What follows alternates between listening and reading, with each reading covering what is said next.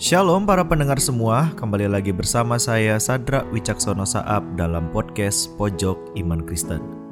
Judul renungan kita pada hari ini adalah Jangan Takut yang terambil dari Lukas pasal 22 ayat 39 hingga ayat 46. Lalu pergilah Yesus keluar kota dan sebagaimana biasa ia menuju Bukit Zaitun. Murid-muridnya juga mengikuti dia. Setelah tiba di tempat itu, ia berkata kepada mereka, "Berdoalah supaya kamu jangan jatuh ke dalam pencobaan." Kemudian ia menjauhkan diri dari mereka kira-kira sepelempar batu jaraknya, lalu ia berlutut dan berdoa, katanya, "Ya Bapakku, jikalau engkau mau, ambillah cawan ini daripadaku, tetapi bukanlah kehendakku, melainkan kehendakmulah yang terjadi." Maka seorang malaikat dari langit menampakkan diri kepadanya untuk memberi kekuatan kepadanya. Ia sangat ketakutan dan makin bersungguh-sungguh berdoa. Peluhnya menjadi seperti titik-titik darah yang bertetesan ke tanah. Lalu ia bangkit dari doanya dan kembali kepada murid-muridnya, tetapi ia mendapati mereka sedang tidur karena duka cita. Katanya kepada mereka, "Mengapa kamu tidur? Bangunlah dan berdoalah, supaya kamu jangan jatuh ke dalam pencobaan." Para pendengar semua, mengapa orang mengalami ketakutan?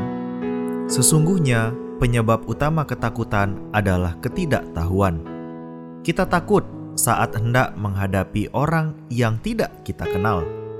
Kita takut saat harus melakukan sesuatu tanpa ada kepastian. Kita takut karena tidak tahu bayangan apa yang berkelebat di belakang kita. Bagaimana dengan takut mati? Orang takut mati karena beberapa alasan. Karena kematian mengakhiri segala kendali kita. Memang banyak hal di hidup ini yang tidak bisa kita kendalikan, tetapi kematian membuat kita sama sekali tidak punya kendali, apalagi kematian juga hampir selalu datang tanpa menunggu kita siap terlebih dahulu. Banyak juga yang takut mati karena tidak tahu apa yang akan dihadapi setelah kematian. Takut akan kematian itu adalah hal yang wajar, tetapi seberapa kita takut dan kenapa kita takut itu yang membedakan orang percaya dan orang dunia. Tidak seharusnya orang percaya takut berlebihan terhadap kematian selama kita tahu dan siap menghadapinya, kita bisa mengatasinya. Nah, ketakutan apa yang kita miliki? Apakah kita takut akan keluarga yang kita tinggalkan? Siapkan agar kehidupan keluarga kita tidak sampai goyah setelah kita tiada. Apa kita takut karena kematian membuat kita tidak bisa berbuat apa-apa lagi? Lakukan hal baik selama ada kesempatan. Perbaiki hubungan yang rusak. Berterima kasihlah pada orang yang sudah berjasa. Tolong orang yang membutuhkan bantuan, membuat karya, dan lain sebagainya. Atau, apakah kita takut jika kematian itu menyakitkan? Bukankah banyak hal yang menyakitkan pun sudah kita alami di dunia ini? Para pendengar semua, yang jelas orang percaya tidak perlu takut akan apa yang akan dihadapi setelah kematian. Karena firmannya jelas berkata bahwa setelah kita mati, kita akan bersama-sama dengan Allah.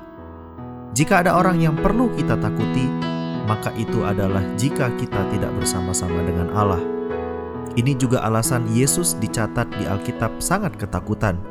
Yesus bukannya takut mati, tetapi ia takut bapaknya meninggalkannya. Kapan Bapa meninggalkan Yesus? Yaitu ketika ia harus menanggung dosa manusia, yaitu dosa yang memisahkan kita dengan Allah. Tapi banyak orang yang tidak menyadari hal ini. Mereka justru takut mati, tapi juga tetap hidup di dalam dosa. Para pendengar semua, melalui perenungan kita pada hari ini, biarlah kita tidak takut lagi akan kematian. Namun, kita mau menjaga hidup kita untuk senantiasa berkenan di mata Tuhan. Biarlah perenungan firman Tuhan pada hari ini menjadi berkat bagi kita semua. Tuhan Yesus memberkati.